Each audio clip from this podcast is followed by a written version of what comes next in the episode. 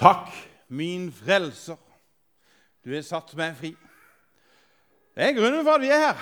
Det er fordi det er en som har gjort veldig mye for oss.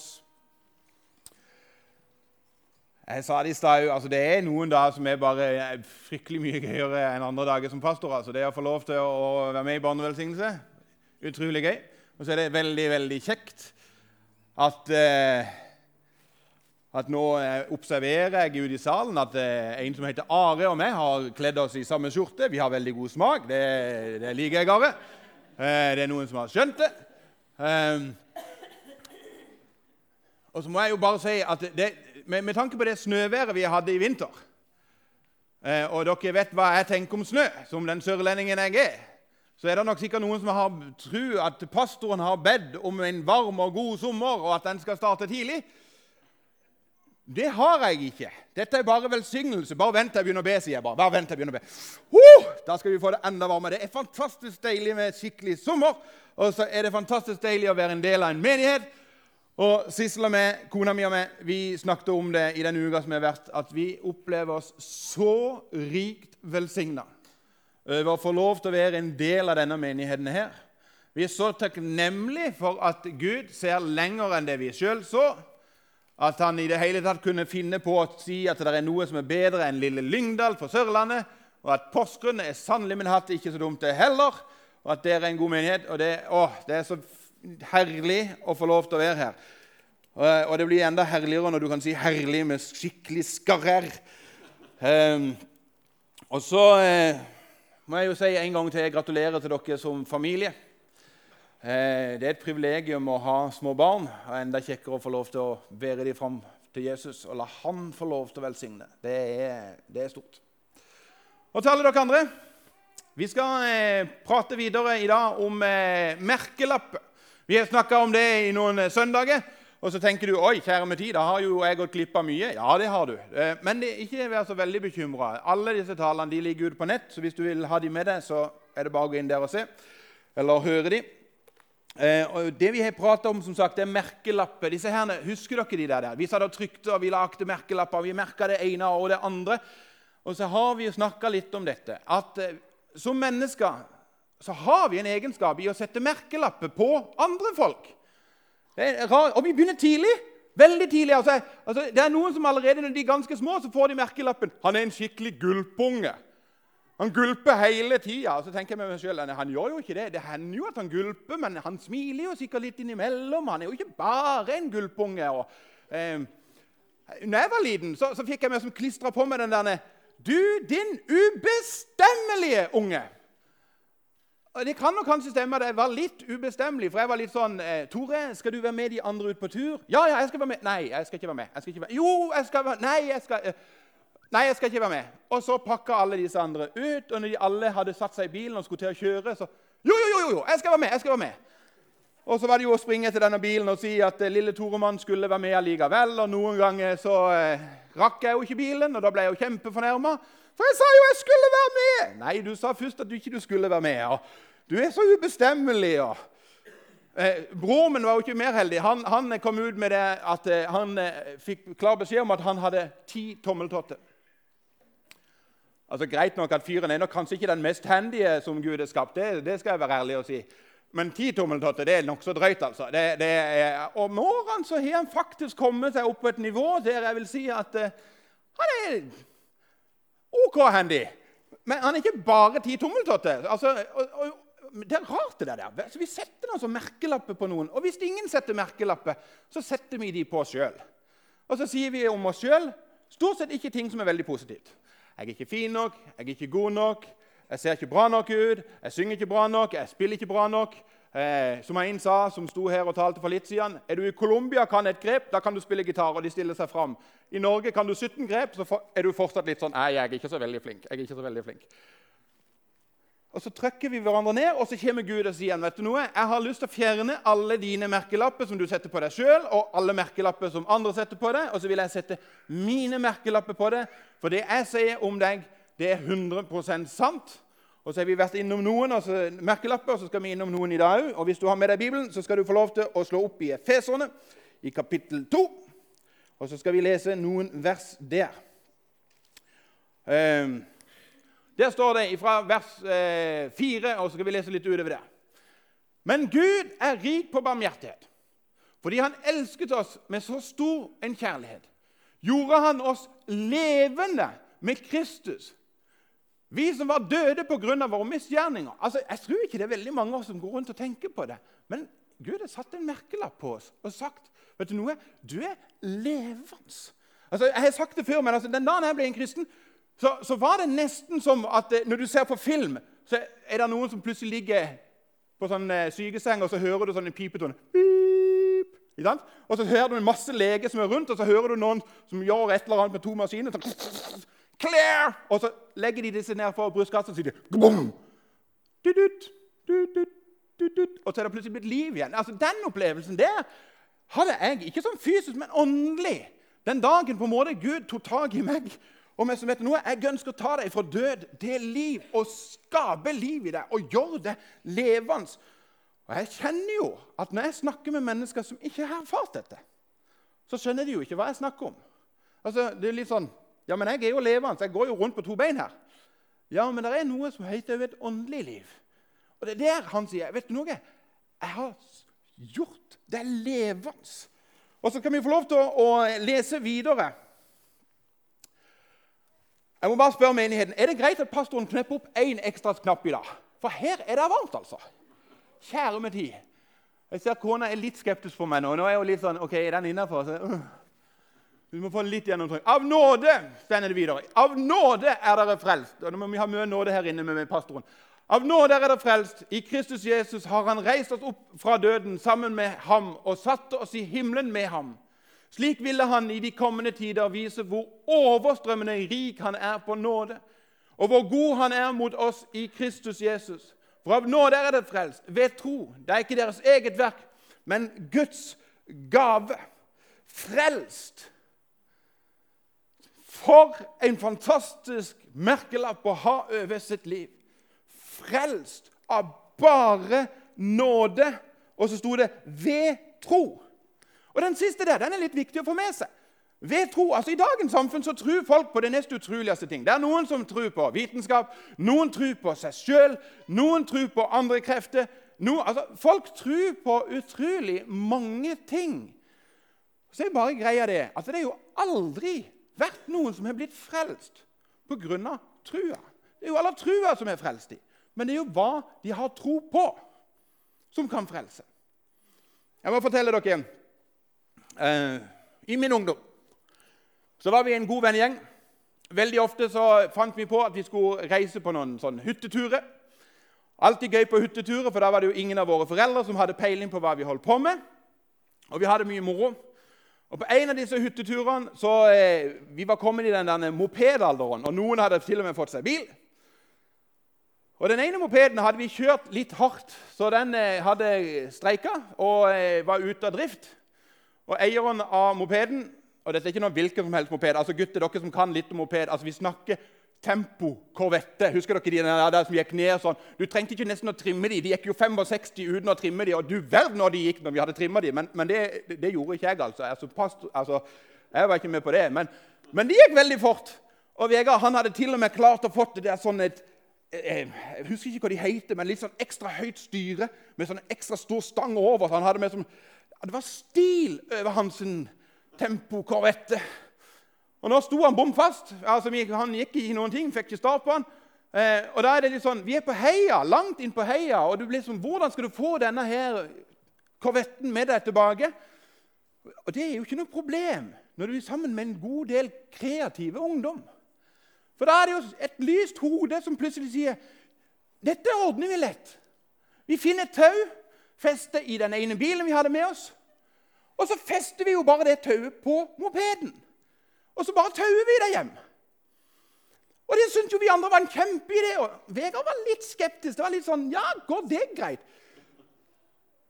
Ja, men, Og så hadde vi litt sånn fram og tilbake, og så ble vi plutselig enige om Da kommer det plutselig en enda bedre idé. Hvis ikke vi binder den fast, Vegard, hvis du bare tar godt tak og Så bare lener du hånda inntil denne bøylen over der. Da, da, hvis det går galt, så kan jo du bare slippe. Ja, Det syns ikke Vegard var så dum idé, og det syns vi andre var en veldig god idé.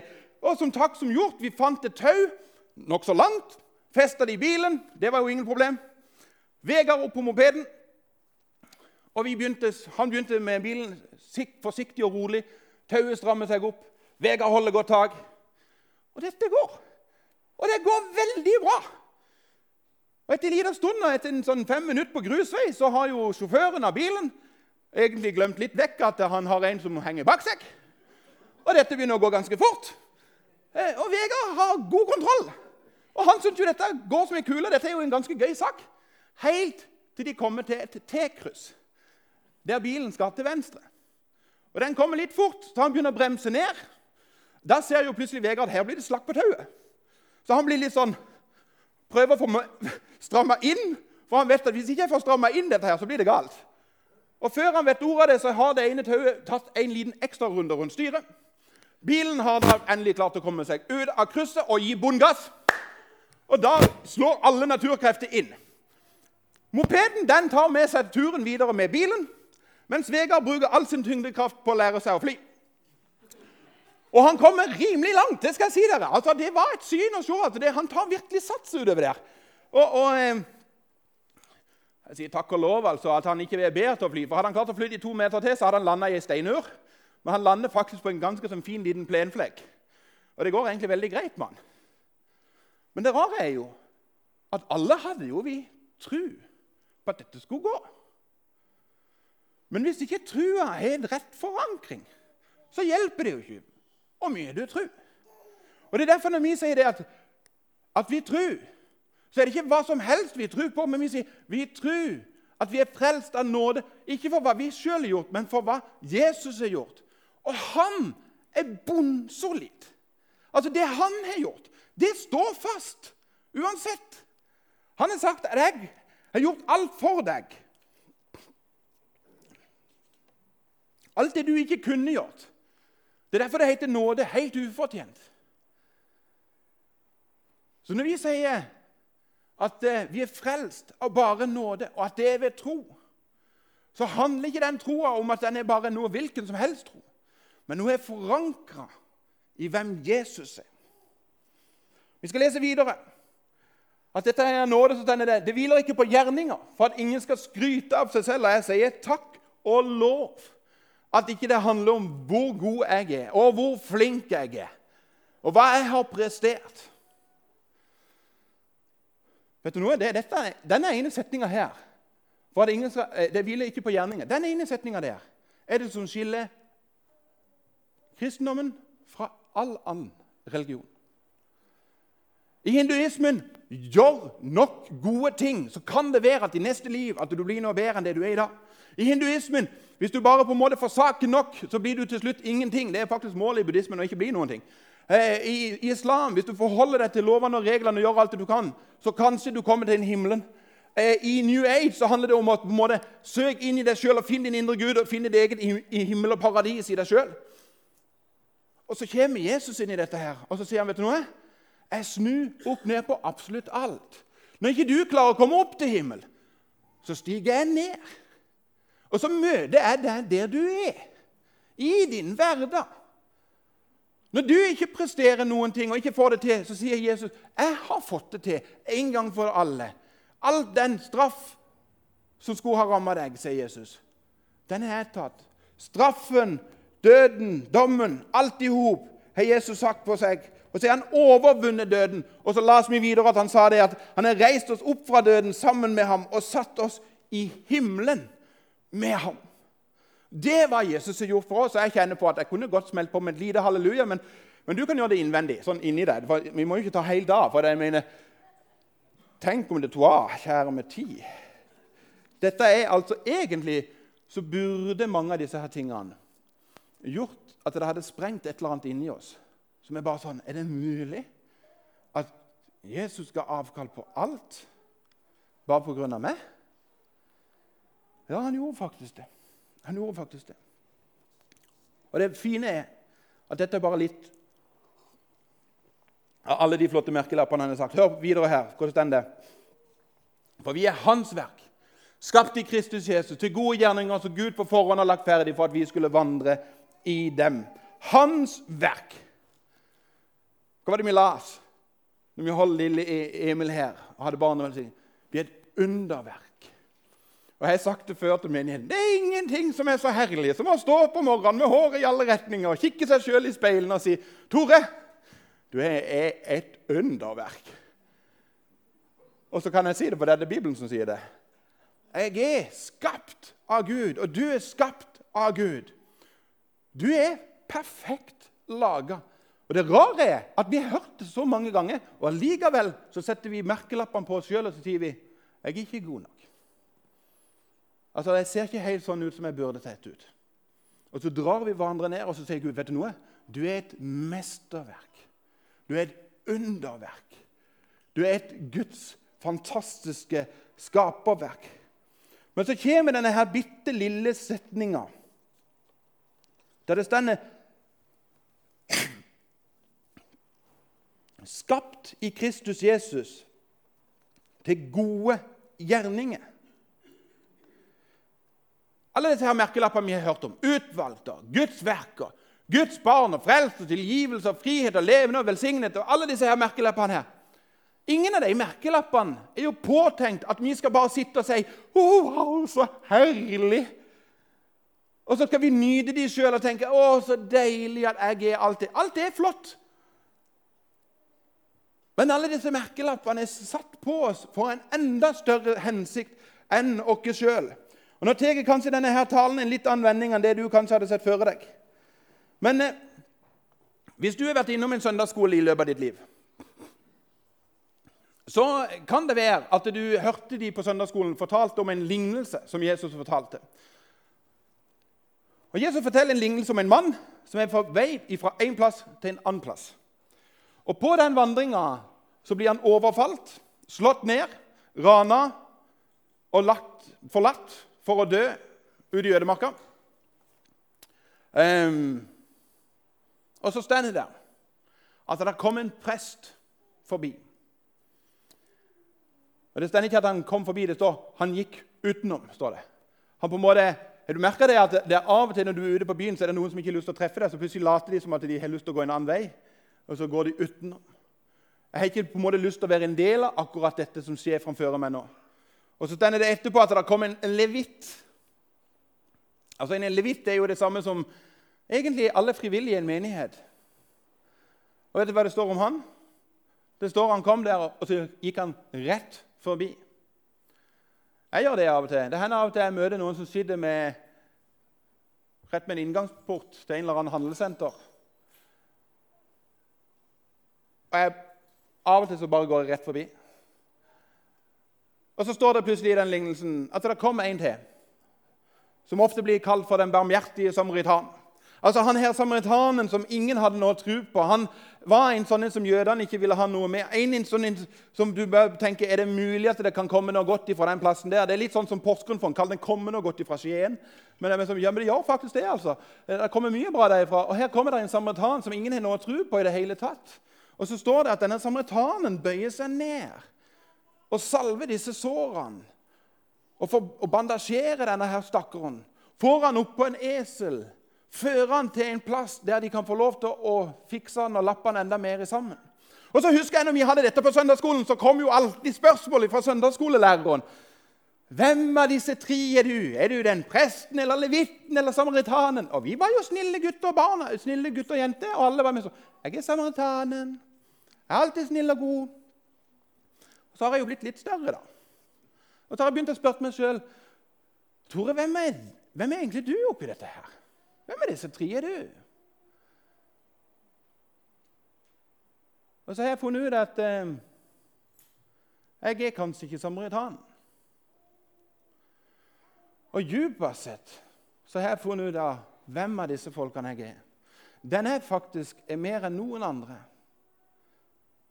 Er han som er slått ut. Han som trenger legedom. Han som trenger at noen gidder å bøye seg ned og løfte opp. Og så har jeg erfart akkurat det. At det kom en barmhjertig samaritan ved navn Jesus.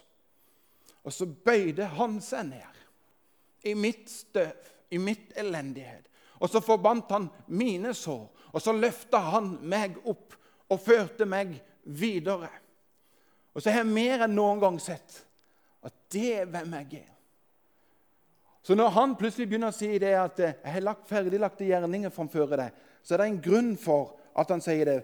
For alle disse merkelappene, utvalgt, Guds verk, Guds barn, frelst, tilgivelse og frihet og velsignende og levende Alt dette her har en hensikt ut ifra noen vers som står før de versene vi starta med i dag. Der står det noen vers som vi ikke alltid syns er så gøy å lese. Men i Efeserne kapittel 2 så begynner det følgende. I vers 1 så det Dere var en gang døde pga. av misgjerningene og synden deres. Dere levde i den på den nåværende verdens vis og lot dere lede av herskere i himmelrommet. Den ånd som nå er virksom i, i de, eh, den ånd som nå er virksom i de ulydige. Ja, vi levde alle en gang som de. Vi fulgte lysten i våre eget kjød og blod og lot oss lede av det og av våre egne tanker. Vi var av naturen vredens barn, vi som de andre. Jeg har av og til tenkt at for oss som snakker om at vi er kristne, vi som snakker om at vi er frelst Jeg tror det er noe som, det er noe som sies av og til på denne måten her. Hvis du virkelig skal forstå en god nyhet, så må du òg forstå den dårlige. Eller sagt på en annen måte det å se hva man er frelst ifra og hva man er frelst til. For min del så har dette vært veldig enkelt, fordi livet mitt var så ødelagt. At det å si at hva jeg er blitt frelst ifra, det er ikke så vanskelig. Og da blir begeistringa så himmelstor når jeg ser hva jeg blir frelst inn i, og ser alle disse merkelappene Gud har satt på mitt liv. og jeg liksom bare, Wow! Er det mulig? Så blir jeg begeistra, og så ser jeg at av og til det er noen mennesker som sier ja, men jeg klarer ikke helt å se alt det der. Ja, men Guds ord er allikevel sant, om du kjenner det eller føler det eller ikke. Men spørsmålet er har du sett hva du er blitt frelst ifra. Eller trenger du kanskje ikke å bli frelst ifra noen ting? Det var mitt argument. Jeg trengte ikke å bli frelst ifra noen ting. Helt til den dagen jeg skjønte at vet du noe, hvis jeg virkelig har tenkt å kjenne på hva det handler om å leve, så blir jeg nødt til å være sammen med han som sier 'Jeg er veien, sannheten og livet'. Hvis han er livet, så har jeg lyst til å være sammen med han som sier 'jeg er livet'. Og Det er da han sier dette her, at uh, alle disse her merkelappene du har fått Jeg har lagt noen ferdiglagtige gjerninger i din vei, sånn at mennesker skal oppleve å se noe av meg, sier Jesus, gjennom ditt liv. At noen skal få lov til å se den barmhjertige samaritan gjennom deg for hvem som bor i deg, og hvem du har lagt ditt liv i sine hender. Jeg har av og til sagt det sånn ferdiglagte gjerninger er egentlig veldig ofte andre mennesker. Gud har lagt noen mennesker inn i vår vei for at vi skal få lov til å bety en forskjell for dem når vi møter dem. Vi hadde et kjempegodt eksempel på det i den innledninga som var her i dag. Sånn en liten, enkel ting som kan bety veldig mye for deg som møter det. Hva er du blitt frelst ifra? Hva er du blitt frelst til? Hvem er det i din setting som du kan få lov til å vise godhet til? Vise nestekjærlighet til? Som du kan få lov til å vise et glimt av hvem Jesus er? Kan dine merkelapper som Gud har satt på deg Ikke dine merkelapper, ikke de du har satt på deg sjøl, og ikke de som andre venner eller familie satt på det. men kan Gud sine merkelapper få lov til å skinne så mye på deg? Kan de få lov til å få så stor plass i ditt liv at når mennesker møter deg, så møter de den barmhjertige samaritan igjennom deg, som heter Jesus Kristus og han alene. Vegard og Espen, dere kan komme fram, og så skal vi be. Jesus, takker deg for det at vi kan få lov til å bli merka av deg. Og Jeg takker deg for det at dine merkelapper er sanne. Jeg takker deg for det at vi kan få lov til å hvile i det. Og Jeg ber deg, Jesus, om at du skal hjelpe oss til å se mer og mer hva vi er frelst ifra, og hva vi er frelst til. At vi virkelig får øynene opp for din store nåde. At vi virkelig får øynene opp hva det vil si å være ditt barn. At vi får øynene opp for alle de ferdiglagte gjerningene som du legger i vår vei. Be deg, Jesus, om at eh, enda flere mennesker skal få lov til å erfare deg. At det, sammen med deg så starter livet med stor L. Et pulserende liv. Det ber jeg deg om. I Jesu navn. Amen.